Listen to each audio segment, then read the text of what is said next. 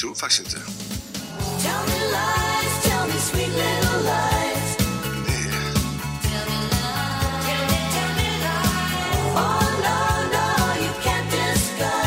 Jag tror faktiskt inte.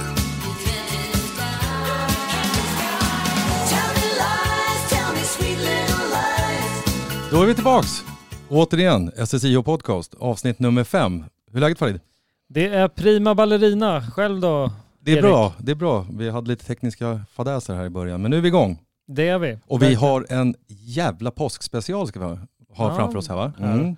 Vi får se. Eh, Men du, vi ska börja med att säga eh, jävla fetinghyll till eh, våra fem nya Patreons. Det framgår inte här om tre av dem är från vår egen familj. Har du tvingat din sambo? ja, det har jag. Men, men pengarna ska in. Pengarna ska in. Eh, Så det slår vi ju ett slag för. Eh, Patreon.com, alltså patreon.com snedstreck SSIH podcast. Eh, Stötta oss så blir vi väldigt glada. Och fortsätt sprida ordet. Vi blir jätteglada. Vi ser att ni fortsätter lyssna och så sprid gärna att vi finns och tala om det för nära och kära. Så ja, verkligen. Och det är kul liksom. Det, det börjar trilla in mer och mer där folk taggar oss, mejlar oss, eh, skickar DMs om grejer eh, som vi ska sätta tänderna i. Mer sånt för eh, det, det ger väldigt mycket. Otroligt mycket. Det finns så många människor och uttalanden som vi vill syna lite närmare. Ja. Eh, dagens lineup. Den är lite speciell. Den är, det är högt och lågt va? Vi har ju dels så har vi ju en, ja, det finns ju alltid anledning att återkomma till politiker. Så vi har ju en väldigt aktuell händelse som har med politiken att göra. Och med extra kryddan av vår favoritgrej numera. Eh, det är ju kommunaltrafiken i Stockholm. Mm. Den verkar dyka upp hela tiden. Ja. Det verkar vara en oas för konstigheter där. Sen har vi också vilda västern på 80-talet. Just det, och hur var det att växa upp i Sverige på den tiden? Var det slaglöst? Var det verkligen bättre förr? Eller var det sämre förr? Det ska vi Mm. sätta tänderna i. Och sist men inte minst så har vi eh, Wahlgrens värld och eh, eh, Man kan säga så här, visdomständer på köpet, kan man säga så? det är en bra, bra beskrivning. Ja. Men eh, vi kickar igång. Vi kör. Nej. Nej. Och innan vi drar igång det här då så måste vi ju återigen påminna om att vi är eh, opolitiska eh, i den här podden och eh, i det vi ska lyssna på så vill vi liksom säga att vi vi kan ändå anta och förstå att eh, Nyamko Sabuni eh, troligtvis under sitt liv har kommit i kontakt med eh, rasism på ett eller annat sätt. Eh, det vill vi understryka. Att vi, liksom, det handlar inte så mycket om det det här. Nej. Eh, som många nu har eh, listat ut så rör det sig om den videon som Liberalerna publicerade strax efter att eh, partiet hade haft lite omröstningar och valt inriktning för framtiden. Eh, och då låter det så här. Jag vet hur det är att möta rasismen. Låt mig berätta om ett tillfälle när jag var knappt 20 år gammal. Jag sitter på pendeltåget på vägen mot Kungsängen från stan. Jag har min mamma som sällskap. Några stationer senare stiger ett gäng skinheads på tåget. Bombarjackor, rakade huvuden, kängor med stålhättor och en bergsprängare. Jag ser att min mamma blir orolig jag försöker få henne att fokusera på vårt samtal. Jag hör att killarna pratar och tittar på oss. Plötsligt sätts musiken på. Om vi stannar lite här. Jag, jag, vet, jag ser inte riktigt vad som har hänt än. Alltså, som är så hemskt. Eller? Nej, det byggs ju upp väldigt mycket med eh, bakgrundsmusiken i alla fall. Det är Ja, ju verkligen. liksom pulserande och eh, bombastiskt. Va? Kraftfullt. Ja, Men än så länge, det är klart det kan kännas liksom lite obekvämt när de kliver på, men, men det har väl inte riktats någonting här än, eller? Eh, nej, man vet väl vartåt det barkar i och med att liksom skinheads eh, beskrivs då. Kan se väldigt råbarkade och Ja. tuffa ut också. Och bergsprängare och musiken ska sättas på. Ehm, Det här kan vi ju tänka oss någonstans var runt 1990 då. Vet du vilken låt som var etta på Svensktoppsmelodin, eller Svensktoppen 1990? Ja, Det vet jag, jag ska spela upp den för dig, den kommer här.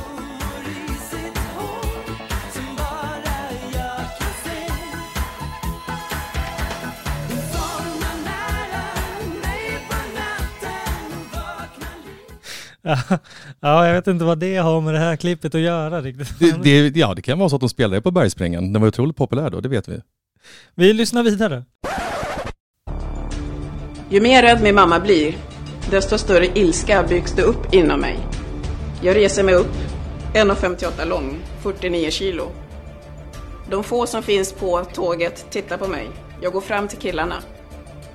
Jag undrar varför de beter sig illa inför min mamma.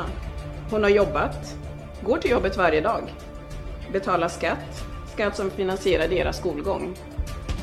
Och i den mån hon skulle misslyckas med sin skola så kommer förmodligen hennes skatter försörja de här killarna efteråt. Killarna stänger av musiken och går av tåget. Jag tittar på min mamma. Hon är stolt. De har lämnat tåget tidigare än planerat och vi sitter kvar. Jag tror på att konfrontera rasism och hat. Hörde du hur musiken skiftade i klippet också? Från det här mörka hotfulla till att gå precis på en blomsteräng. Allting var frid och fröjd. Mycket man undrar här. Ett är ju, det framgår ju inte vad som sätts på Precis. musiken. Mm. Eh, och det framgår ju inte på något sätt att man har varit otrevlig. Nej, det var ju ett gäng grabbar som gick i skolan fortfarande. Så sen... Som beskrivs som skinheads ja, ska vi säga. precis. Eh, sen också så här att de gick av tidigare än planerat. Vill hon se färdbevis? Hade hon... Ursäkta, hur många stämplar har ni på er bussremsa eller tågremsa här? Vad, vad tror du att de trodde att Nyamko var kontrollant? Jag stod och orerade. Vi ska av här borta. Rosersberg, två, två stationer. ja, men, om de nu har stått och bara ropat vilken station de ska av på hela tiden, tror du att de hade eh, liksom beskrivits som skinheads eller psykfall mer i så fall? Bara, alltså om de bara Rosersberg! Rosersberg! Rosersberg! Så hoppar de av. Liksom, Rotero! och så hoppar de av tidigare. Hur vet hon att de hoppar av tidigare? Ja. Nej, det framgår inte. Men alltså, så här är det. Alla bra... Fast låter det inte väldigt... Är det, är det en typisk skinhead att innan man kliver av då informera övriga vägen? Här ska jag inte av men nu hoppar jag av! Det var tre stationer för tidigt. Det, Alltså, den här storyn, för att den ska stark, alla vet ju att en bra story, du måste, det hänger i detaljerna. Då måste du vara mer specifik. Här har det inte, alltså det har inte hänt någonting så. vad blev mamman stolt över? Civilkuraget. Ja, men för vad? Att de gick fram jag, vet- jag vet inte. Bullernivån. Kan man tänka sig att det var en sån här redig jävla bergsprängare? På den tiden vägde de mycket. Det är som att skicka in en skottkärra på axeln. Nej men, Hon kanske varit stolt. Nu, vad bra nu att alla får åka i lugn och ro här. I kommunaltrafiken. Gjorde du bra? mm. eh, ja, det känns spontant som att eh, eh, ja, ja, det osar. Ja, precis. Att, att de alltid återvänder till det här. Alltså förkärleken för publika transportmedel. Är det att de ska visa sig folkliga? Ja, men- jag, jag har minsann också åkt tunnelbana, buss, Eller är det pendeltåg. vi som har missat någonting? Att det här kanske går hem i stugorna? Det gör det säkert. Tror vi att Liberalerna efter denna pompösa video skjuter i höjden? det tror jag. Ingen aning. Nej, det är så dåligt. Ja, det är så jävla dåligt.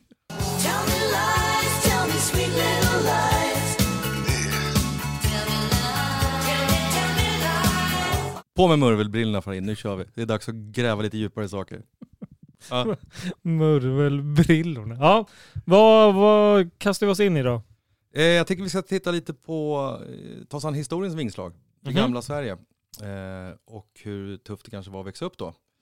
Och i det här fallet då så har vi fastnat för en känd person som heter Morgan Alling. Känner du till honom? Det gör jag. Eh, vad har vi mer på honom? Eh, skådespelare, manusförfattare, regissör. Föreläser en hel del också. Har varit med bland annat i Let's Dance. Eh, nu är han väl mest aktuell i Bäst i test som går på SVT. Så det är väl ett välkänt ansikte där ute i stugorna ska jag säga. Mm, du ska väl också lägga till att han twittrar en del, eller hur? Det är väl där framförallt vi fångade, eller han fångade vårt intresse. Ja, för i december 2018 så uh, twittrar han följande. Gårdstensskolan 1984, alla rutor var sönderslagna. Vi satt med jackor inomhus hela hösten eftersom man vägrade sätta in nya. De slog sig sönder direkt. Det sköts med pistol in i skolkorridorerna. Vi hade fem olika lärare per termin, men Twitter fanns ju inte så folk brydde sig inte. Herregud, vad är det som händer? Jag trodde först att det här var troll. jag, jag trodde först att det var någonting kopplat till att han är ju lite komiker också sådär. Ja, Att det här var någon del hans, av det. Jag trodde inte det var hans riktiga konto först. Och Nej, sen- exakt. Eller, eller att det här hängde ihop med någonting, att man liksom driver om någonting själv. Men det här är ju, det här, det här säger han att han har upplevt. Ja, för det är ju faktiskt några som har ifrågasatt det det här rätt hårt på Twitter. Mm. Ehm, jag ska välja att få läsa ett par tweets här. Ja, men gör det, Eh, tack. Bara för att se eh, reaktionerna då. Eh, och då är det någon som liksom motsätter sig det. Nej men det där låter ju lite saltat. Ja, det var en enstaka händelse med skjutningen. Men skruvmejslar, gisses. Jag hade själv med mig pennkniv. Andra hade morakniv. Andra knogjärn. Kaststjärnor. Någon karatepinnar. När jag gick på Flatoskolan kom en kille med ett svärd. Är det någon medeltida stridsskola här? Vad är det, vad är det som försiggår? Jag tror till och med att han nämner ett avsågat hagel, en hagelbrakare också. Alltså herregud. Men ja, som sagt, vi vi trodde inte riktigt att det här var eh, sant, men vi började nysta lite i det här. Eh, kan, liksom, vad, vad tänker du spontant när du läser tweeten? Vi bortser från det här bytet av antal lärare, för det kan ju faktiskt... Eh, Mm. Det har Det- varit med om något liknande själv i i skolan sådär kanske. exakt. Nej men vad jag tänker spontant är att så här, alltså som sagt, det här är ju på 80-talet. Det är inte så länge sedan, även om åren går fort. Mm. Och att en skola skulle stå utan fönster så att ungarna satt med förfrusna tår och istappar på ögonlocken och fortfarande gick till skolan. Det låter ju helt otroligt. Mm. Och där måste det finnas föreskrifter. Det, det, det är inte så att man eh, liksom längtar efter att sitta och huttra sig igenom kemi A eller Med knotiga, stela fingrar vet du. Ingen kan räcka upp handen. Tappat Kan inte allt. bläddra i, i matteboken för du har Lovikka-vantar på dig. Hör ingenting från sån här gammal mössa med flärpar ner också. tror, tror du att mössan med flärparna hade varit det, liksom, det hade varit det mest röviga i hela situationen? Ja. Nej men vi måste ju ta reda på vad som finns här. Ja men du, innan vi gör det så ska vi också bena ut en grej. Han skriver ju faktiskt eh, eh, hela hösten. Och här måste vi sätta någonstans, vad definierar vi som höst? Mm. Man kan ju ändå tycka att, alltså, skulle jag fråga dig när det är höst så hoppas jag att du säger någonstans mellan september och upp till mitten på november i alla fall. Det Ja. är hösten. Lite senare till och med. Eh, ja, kanske till och med senare. Men någonstans om man ska gå liksom rent, eh, säger man, meteorologiskt, eh, vi slänger oss med det här begreppet, Mm. eh, då ska det vara, un, alltså dygnstemperaturen, snitttemperaturen ska vara under 10, men över noll. Mm. Och då tänker du, hur fan får vi reda på det här då? Ja exakt. Jag ska tala om för dig min vän. För under tiden som jag grävde i det här så kontaktade jag SMHI och plockade ut alla loggar kring temperaturer. eh, På i- västkusten Ja, 1984. Nej, att man kunde inte man kunde inte välja just ett specifikt år så jag har fått allt som finns. Det var 1940 fram till idag. Jag ska kolla, jag har, det är ett gediget material. fall. eh, Ja, vad bra. och då, just för 1984, då är det så här varje dygn och det är tre gånger per dygn. Så, så det är klockan 06, 12 och 18. Mm. Och då om vi säger någonstans oktober så börjar vi och kika lite då. Då är ju ändå utomhustemperaturen stadigt runt 10-11 grader. Mhm. Eh, och då om vi tänker att det... Det var västkusten det här va? Ja, Ja, det är mycket fukt i luften där också. Kan kännas jävligt kylslaget. Och för den som um, minns tillbaka avsnittet med Svante så har ju fukten en stor betydelse när det kommer till temperatur. Verkligen. Det, det liksom behöver inte vara grisvarmt i en bastu men är det riktigt fuktigt då kan det gå tvärdö för länge sedan. Mm, och det funkar ju såklart åt andra hållet också. Så är det. Men Tänk, märk väl att vi är en utbildningspodd. så är det. Mm. Och, eh, men börjar man då titta liksom mitten på november, eh, tänker du, och då börjar vi ändå snacka om liksom från tionde, ja, kanske till och med från eh, sjunde, åttonde, där är vi stadigt under 10 grader. Mm. Mm. Runt 5-6 grader börjar vi snacka nu. Och då om vi tänker oss att eh, den här skolan åtminstone hade tak och väggar Jag var så, inte så säker på det. nej, men så landar vi ändå kanske på ja, men, eh, 10 grader tot. Så det, det är förutsättningen. Ändå. Det är förutsättningarna. Ja, men då är med. Men över till regler och sånt då. Vad finns det för föreskrifter? Och eh, rätt person för att svara på det, eh, då vänder vi oss till eh, Arbetsmiljöverket. Vi ringer dem. Fredrik Håk. Jag jobbar som handläggare på Arbetsmiljöverket, bland annat med frågor om temperatur.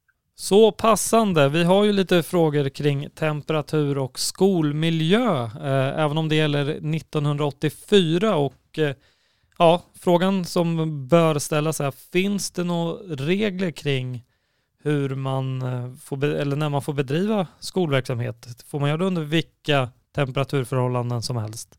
Ja, då, det finns regler och det. Det finns både från eh, Arbetsmiljöverkets sida, alltså när det gäller arbetsmiljölagen och sen finns det en parallell lagstiftning som heter miljöbalken och det finns regler i båda de här lagstiftningarna, eller föreskrifter till det. Och eh, man brukar säga att det, det ska vara över 20 grader, eh, 20 grader till 26 grader säger vi på Arbetsmiljöverket. Om det är kallare eller varmare varaktigt, då ska man utreda varför och sen ska man åtgärda det. Så alltså om man sitter stilla som man vanligtvis gör i, en, i ett eh, klassrum så är det 20 till 26 grader där det ska hållas in. Okej, men eh, om vi leker då med tanken som i det här fallet då att eh, man eh, utreder och kommer fram till att det beror ju på att det inte finns några fönster. Eh, då bör ju en åtgärd vara att eh, sätta dit nya fönster. Men i det här fallet då ska man ha struntat i det med hänvisning till att eh, äh, de kommer ändå krossas på nytt. Det är väl onödigt. Hur hade ni agerat då? Ja, ja nej precis. Det, det låter ju helt vansinnigt naturligtvis. Men eh, vem vet vad som hände på 80-talet? Hur som haver så är det självklart så att det ska finnas fönster och sen är det bra väder ibland också. Så det är jättebra att det finns ventilation också så ungarna inte somnar när de, när de ska lära sig någonting. Men eh, självklart ska det finnas fönster och, och det låter ju helt galet att man eh, resonerade på det sättet då. Mm. Men för, du, du sa 2026 då, men liksom, om man gör en utredning, kan det, kan det temporärt ändå vara så att man någon gång eh, under kort tid kan liksom få tumma lite på den här gränsen? Eller? Ja, det kan, ja, det kan det göra faktiskt. För är det väldigt varmt till exempel på, på försommaren så där och om det är värmebölja så det går upp på 28 grader någonting sånt där, då kan man få tåla det under en, under en vecka eller någonting sånt där. Och, och, och likadant gäller när det är kallt så kan man få tåla om det är riktigt eh, iskyla ute då så att eh, då kan man väl få tåla 18-16 grader kanske under en kortare period men inte längre än, eh, än, än ett par veckor. Liksom. Sen Mm. kan man alltid kompensera med mer kläder eller mindre kläder och dricka vatten och ha fläktar och sånt där om det är för varmt.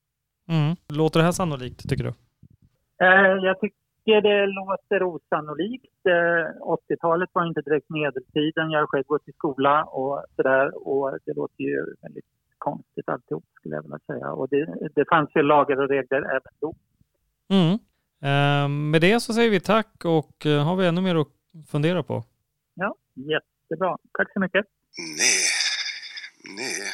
Ja du, skönt att få det klart i alla fall att eh, 80-talet inte var medeltiden. Jag har lite ont i kroppen. Jag föddes 81. är du en medeltida man? Det, det känns så ibland. Ja, verkligen. I kroppen? Jag, jag som ser dig så kan jag skriva under på det. Det, när det låter lite i bakgrunden så är det inte att man sätter sig på knäckebröd utan det är mina knän som håller på. Men eh, ja, som, eh, som nämns här då, Mm. eh, liksom, du ska försöka identifiera vad som har orsakat detta och åtgärda. Mm. Eh, här får man ändå anta att det är ganska lätt att eh, identifiera just fönstren såklart, eftersom att eh, de saknas hela tiden. Yes. Däremot en intressant aspekt det här med bullret. Det Mm. har man ju inte ens, det, det var ju inget problem för Morgan i alla fall. Nej, så vitt vi vet. Nej, exakt. Och- Twitter är ganska begränsat. Det kanske finns ännu mer utrymme att ta här. Ja, eh, men det här är liksom allmänna övergripande riktlinjer. Mm. Nöjer vi oss där? Nej, det är klart vi inte nöjer oss där. Vill vi lokalt? Vi måste gå lokalt. Kan vi få tag på någon lokalt? Ja, det var Bulent här, eh, skyddsombud i, på Gårdstenskolan. Nej men hallå, Eh, känns också som en eh, perfekt eh, kontakt att eh, komma i kontakt med så att säga.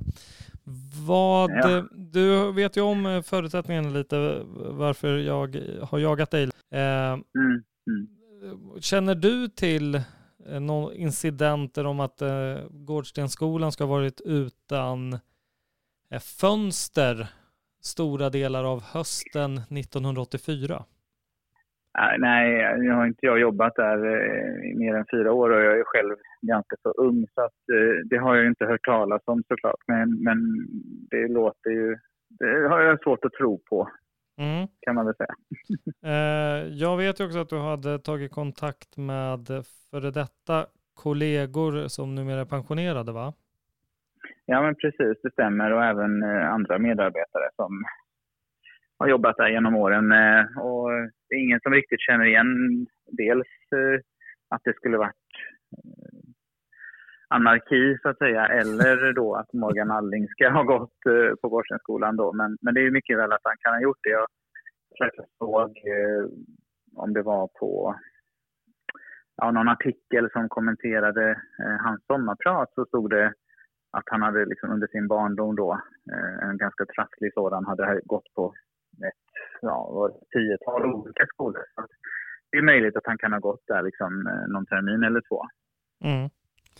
Eh, då måste jag också bara fråga innan vi kastar oss in i egenskap av skyddsombud här då. Eh, några skjutningar inne i korridorerna med pistol, är det någonting ni känner till? För det, det kan man väl tänka sig att det borde ha pratats om ett par gånger på kafferasterna i alla fall. Ja, alltså, nej, det, jag har svårt att tro det rent allmänt att det skulle vara vilda västern så. Det, alltså, eh, jag har inte hört talas om, om eh, i modern tid så att säga att, att det ska ha varit så på, på gårdsen. Det har varit problematiskt eh, under, under olika liksom, år. Eh, men inte i den utsträckningen. Liksom. Det, det har jag inte hört talas om. Nej. Och ehm, jag nöjer mig med det tror jag. Jag får tacka så mycket. Tack så mycket. Hela, hela Kattjärven brinner.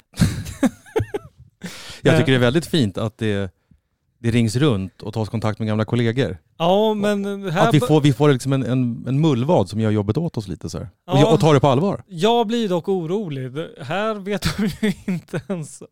Det är inte ens bekräftat att han har gått på skolan. Nej, men han, han flyttade ju runt en hel del. Det ska man inte skoja om. Och som sagt, om det, man tittar tillbaks bara, vi förstår att han inte går ner och bläddrar i något arkiv och hittar någon som gick en termin, liksom 84. Så att, ja, det, det kan jag faktiskt ha förståelse för. Mm. Men det är ändå bra att, att jobbet görs, så att säga, att det, det grävs vidare här så, så att det kan komma så långt som möjligt. Hade det inte varit, eh, det, det är ändå hyfsat tydligt avståndstagande mot eh, anarkin och vilda västern. men men eh, vad, vad tänker du om du hade arbetat på en skola med, ja, med kaststjärnor och skjutningar? Hade det tagits upp i kafferepen tror du? Det hade suttit i väggarna för alltid, skulle jag säga. Så det är inget, sånt där glöms inte bort. Nej, men det är fortfarande inte helt och hållet eh, liksom spikat än va? Tycker du det? Nej, nej, nej, nej. Vi har en lång väg att gå. Jag tycker att vi kan gå ännu mer lokalt och kanske framförallt se om vi kan hitta någon som har koll på kanske vad som hände eh, lite på den brottsliga sidan eh, kring det här området på 1984 eller 1980-talet. Christer Fuxbar jobbar som presstalesperson i Region Väst. Ja men tjena, det känns verkligen som att jag har kommit rätt då. då. Jag har lite frågor kring eh, Göteborgstrakten år 1984 som jag skulle vilja bolla med dig. Jajamän. Eh, det är så att vi har fått, eh, kommit över en tweet där det framkommer då att eh, det 1984 ska ha förekommit Eh, skjutningar med pistol in i skolkorridorer på Gårdstensskolan. Är det någonting som väcker något minne hos dig? Nej, det gör dessvärre inte det. Utan jag började min polisiära kar- eh, karriär 1981 och jag tjänstgjorde just ute i de nordöstra stadsdelarna där. Och jag kan inte erinra mig att vi hade alltså regelrätta pistoler eller eh, någon som sköt inne i skolan. Däremot vet jag att det hade en hel del skadegörelse mot skolor där man pangade rutor i form av slangbällen och lustvapen luftvapen och sådana här saker. Så att, eh, men just att skjuta in i skolan, det kan jag faktiskt inte komma ihåg. Mm. Eh, liksom då på den tiden, eh, 84, liksom, eh, om det här hade förekommit skjutningar inne i skolan, hade det blivit en stor grej tror du? Absolut, i och med att det är så pass eh, sällsynt fort, fortsatt än idag. Så att säga. Så det hade ju självklart målats upp i media eh, stort. Alltså det hade ju blivit en riksnyhet skulle jag kunna tänka mig på, även på den tiden. Eh, De här krossade rutorna, det är ganska intressant. Eh, Är det någonting som Polismyndigheten hade blivit inkopplad i, tror du? Om det liksom varje gång det satts upp nya rutor så krossas varenda en? Är det någonting som ni hade? Oh, ja. Vad hade ni gjort då? På den, jo, men på den tiden hade vi ju eh, kvarterspoliser som det hette. Och eh, de, de blev ju varse om, om, om i stort sett allting som, eh, så säga, som hade någon polisiär bäring. Och då hade de definitivt varit på skolorna för vi hade mycket brottsförebyggande eh, arbete gentemot skolor och samarbete med föreningar och, eh, ja, och skolor och lärare och rektorer och sådana här saker. Så att, eh, det hade säkert eh, blivit en, en, en stor sak i och med att det, som du beskriver det då, en längre tid dessutom. Och, i och den omfattningen så har det definitivt blivit en, en prioriterad fråga i, för myndigheten. Det är ju vår uppgift att se till att, eh, ordning, att vi håller ordning på stadens gator och torg och skolan är ju ett, ett viktigt så att eh, viktig funktion för att ungdomar ska fungera och få ett bra samhälle och så vidare. Så att, eh, det, det skulle jag inte vilja säga att, att det här ramlar mellan stolarna utan det var nog så att eh, eh, vi kanske hade inte så himla mycket att gå på. Jag, jag, som sagt, jag kommer inte ihåg de här händelserna riktigt som du beskriver men eh, eh, det skulle absolut blivit en stor sak i och med att du beskriver det som en väldigt omfattande och under en längre tid. Hela, hela kattjäveln brinner. Ja du, ordning och reda pengar på fredag. Verkligen. Nej men vi ser ju, alltså det fanns ju ett väl fungerande samhälle ändå och liksom åtgärder som sattes in. Det har vi fått bekräftat från flera håll här. Någon som har sagt något annat. Ja, Morgan. Det är det som är själva kontentan med det här. Ja, så är det. Nej, men det kändes väl som, eh, liksom, fan hur mycket mer kan vi gå på djupet? Nej men nu är det ju klappat och klart. Vi dunkar fram eh, skalan. Den prisbelönta sk- skalan. Ja, vad landar vi här då? Låt höra. Skyhögt. Det här är ju, alltså jag har fått allting jag behöver egentligen. Eh, sen att han eh, har haft en traumatisk barndom och liksom de minnena kanske förstärks på många sätt men det här är ju, fan han har tagit i från tårna. ja, Och mer därtill. De förfrusna tårna från skolgången. Eller vad säger du själv? ja, nej det här är ju en tia. Men jag undrar varför? Varför skriver man ut, eh, alltså det, är ingen semilugn. Eller, Nej det är det inte. Den är väldigt specifik i sin fakta. Det är väldigt enkelt att titta på vad som faktiskt har hänt här, eller om det har hänt. Tack, tack för det till att börja med. Mm. Eh, ja, men någonstans är det så här, han vill väl ha lite uppmärksamhet och så. Men fan. Lugna dig lite Ja, för men också det att han inte ger sig i sina tweets, utan det, det kommer ju kaststjärnor, det är hagelbrakare, det, Pennknivar, det är moraknivar. det är allt. Och sen också, inte så att det var, ja men det hade ju varit illa nog om det var, tänk om du fick reda på eh, veckan efter höstlovet så skulle du sitta liksom och huttra. Det hade ju varit sjukt illa nog. Det här är ju hela jävla höst. Och sen satt alla föräldrar och sa, jo men du ska gå till skolan, det är viktigt. Det här sätter riktlinjer för hela din framtid. Du går dit. Åke, Maja, Morgan och Stefan, nu går ni och sätter det här. Huttra bums. Exakt. Ah, det här är uppe Den här slår i taket. Det här slår fan mig i taket.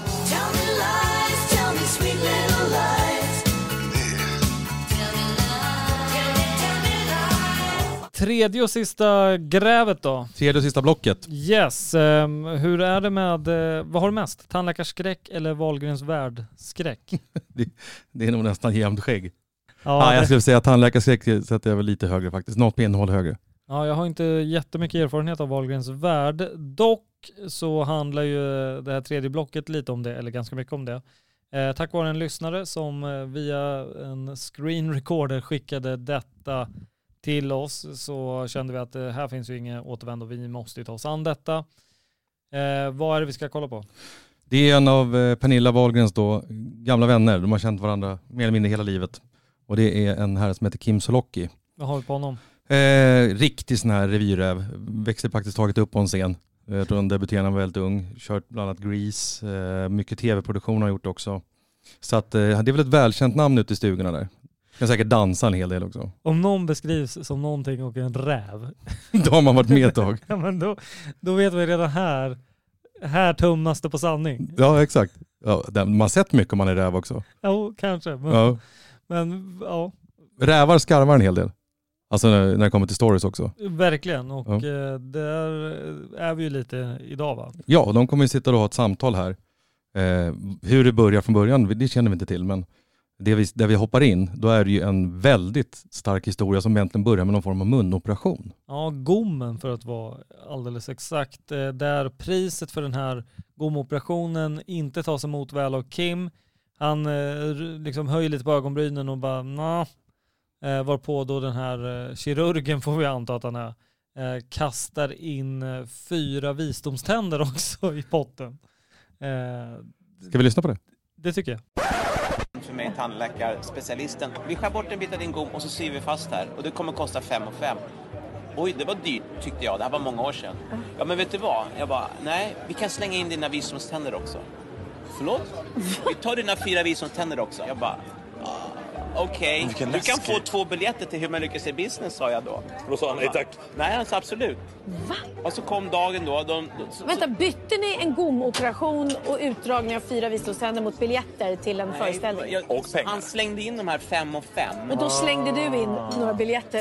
Ja, men jag tänkte att fyra visdomständer, det låter ju komplicerat, men han tyckte... Det är värt en kväll på musikal.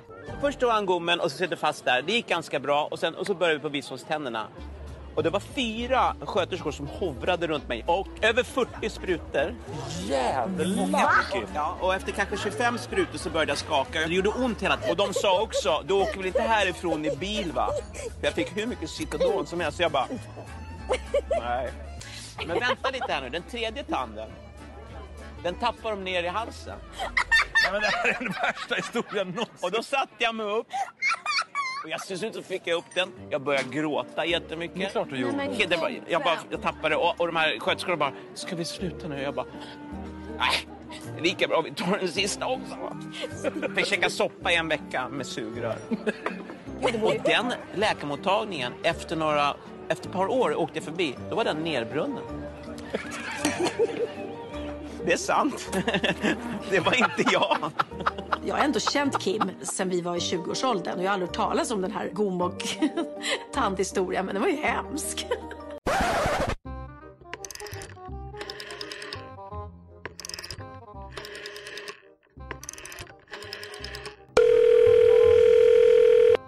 Vera Glodic. Jag jobbar på tandläkargruppen i Täby centrum och jag är specialist tandläkare för barn och ungdomar. Och det är precis dig vi har letat med lykta efter Vera. Välkommen. Din spontana reaktion här när du tittar på det här? Ja, min spontana reaktion är ju att det är en väldigt spännande historia i alla fall. På vilket Sen sätt? Om den är, ja, det är ju väldigt mycket, skulle jag kanske säga, överdriven kanske information. Mm. Jag tror inte att det riktigt är sant, i alla fall inte delar av den.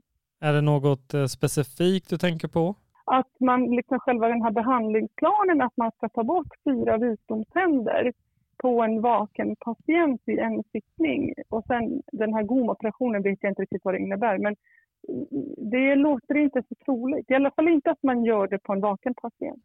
Nej men här låter det också... kan man göra det. Ja men här låter det också lite som att eh, det, huvudsyftet är ju gomoperationen men visdomständerna det är ju på köpet. Det är, liksom, det är inte helt tydligt att det behövs riktigt.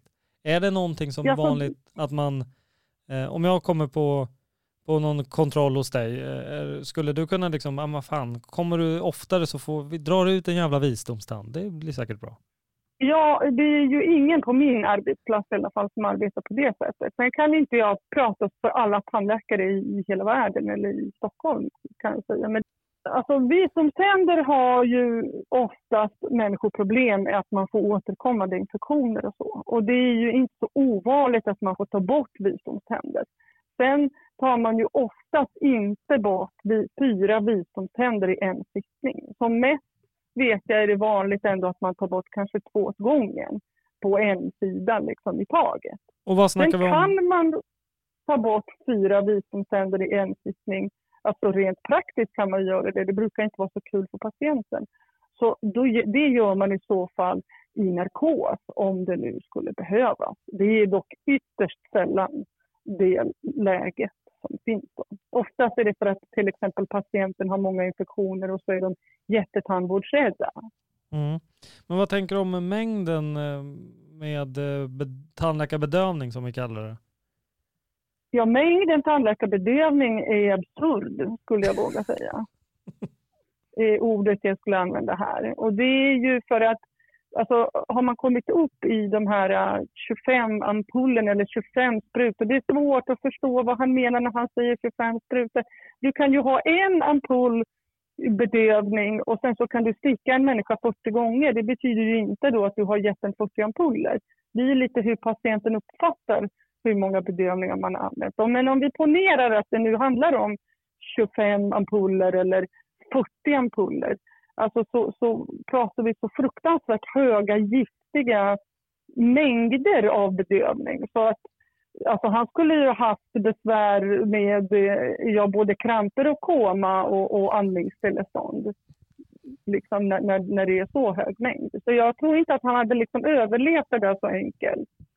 Ja, det, Utan att ha hamnat kanske på akuten eller någonstans. inte få ett Pasadron och en uppmaning att inte köra bil hem. Ja, nej absolut inte. Det kan jag inte tänka mig. Sen är det ju så att våra bedövning innehåller ju oftast adrenalin.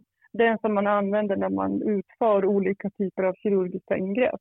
Och då eh, är det ju ganska liksom, lätt att man reagerar med både hjärtklappning och, och, och liksom att man skakar och så. Det är väldigt vanligt. Plus att patienterna ofta spänner sig för att det är inte så många som tycker att det är jättekul att gå till tandläkare. Jag vet inte hur andra människor har uppfattat ett tandläkarbesök, men det är ju inte som att liksom handla på Ullared.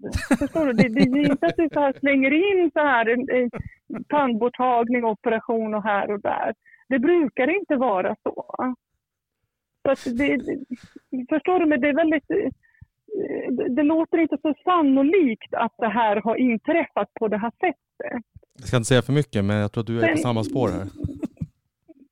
Ja, men liksom, förstår du, det, det, sen kan det ju absolut hända att det kan vara svårt att ta bort en tand och kanske en bit av tanden, man får dela tanden i många delar och kanske någon bit av tanden liksom flyger iväg och man får leta efter. Men det, det är ju det är inte så enkelt att ta bort en tand många gånger, speciellt inte en visdomstand. Nej. Men om vi bara kollar, om, om du opererar eller ska rycka en visdomstand, vad, vad snackar vi för mängd eh, tandläkarbedövning då? Vad skulle du använda dig utav? Som max ger jag på en vuxen fyra ampuller.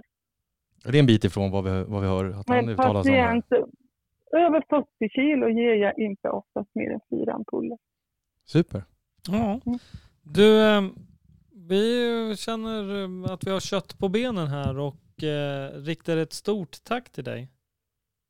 Ja, varsågod. Kul att prata med er. Ja, tack detsamma. Ha det bra.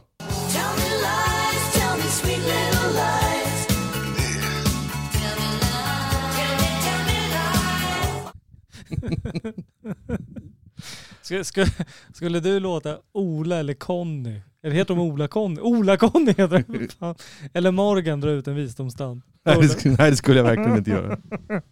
Men du, var skönt att prata med sakkunniga. Ja, verkligen. Ehm, Det här är ju våran gåva till er, utbildning och Utbildning. lite skratt kanske. Ehm, Ja, vi, vad fan, vi dammar av. Nej men alltså, jag måste, tänk om att han ligger där och han har fått sina sprutor. Och det är så här mycket, det är så mycket gifter och det, liksom det påverkar alltihop, han ligger och krampar. Det här jaet som han får ut, så tänk om det är bara en ryckning i ögonlocket eller någonting. Jag, jag tänkte också på det. Han är på Eh, väg ner i koma. eh, Du, du, du har väl haft, eh, du har varit hos tandläkaren någon gång? Ja, gud ja. Du har haft tandläkarbedövning? Ja, ja. Du känner, du pratar så? Ja, ja. Ja, och tänk dig då efter 25 och de har då gr- gröpat efter visdomstanden som har ramlat ner i halsen. Är det verkligen upp till honom att svara? Han är förmodligen bedövad från fontanellen ner till tåspetsarna. Säkert. Han ligger ju bara och skakar där. Ja, det är inte upp till honom att bedöma, alltså bestämma om vi ska gå vidare eller inte, tycker jag inte. Nej. Ehm, sen, vi, vi nämner väl inte ens att det, liksom, eh, att det har brunnit ner sen. Ja, det må så vara. Men eh, nej, vi dammar av skalan här. Yes. Nej, det här osar katt alltså. Alltså, vad- ja det gör det verkligen. Det, tittar man på klippet, han, han, han är ju väl medveten om att det här är Wahlgrens värld och kamerorna är där, såklart. Ska han, ska han framhålla sig själv som en hård kille här att, ja men jag grejer det här, fyra visdomständer, 25 sprutor, som en nåldyna i halva käften. Vad är syftet här? Plus att han säger att han byter bort lite, lite plåtar och sånt. Det är också intressant att Pernilla själv säger att eh, hon har ju känt honom i väldigt länge, aldrig hört talas om det här. Nej. Om det här hade varit sant, det, det hade man väl yppat någon gång? För, förmodligen de lärde känna varandra. Ja. Han kanske är en helt annan gom på den tiden också. Snubben har ju stått på scen i 25-30 år. Så någon gång så borde det ha märkt att fan, här kommer du med ett helt nytt face liksom. Alltså jag tycker också så här att, vad, vadå, har gommen någonting med, alltså, har, eller har, eh, vad heter det, visdomständerna någonting med gommen att göra? Att man bara så erbjuder det på köpet, det är liksom, det är, det är inte en match made in heaven tycker jag inte. Nej. Eh, ah, det här, det osar eh, bott alltså. Ja, det är... Det slår i taket. Det slår i taket. Eh, vilket är kul. Två sådana har vi lyckats eh, skaka fram idag. Två full pott. Det var gratulera till dem. Ja. Nej. Nej. Ja du Erik, femte avsnittet är över. Mm. Vad, um, Det var mycket fakta det här avsnittet. ja, det är mer utbildande denna Mm. gång. Ja, det var det. Vi, som sagt, vi söker fortfarande efter eh, vår röda tråd i avsnittet. kommer vi troligtvis aldrig hitta, så fortsätt kom med eh, synpunkter, återkoppling. Yes. Så vi kan det. förbättra eller försämra, vad Mm. ni än vill. Eh, och vi slår ett slag för att ni ska följa oss på Twitter och Instagram där vi heter snabela SSIH podcast. Vill ni mejla oss så hittar ni oss på sshpodcast snabela gmail.com och sist men inte minst, våran otroligt fattiga Patreon. Patreon.com snedstreck SSIH podcast. Jag tror faktiskt inte. Tack! Tack! Hej! Hej!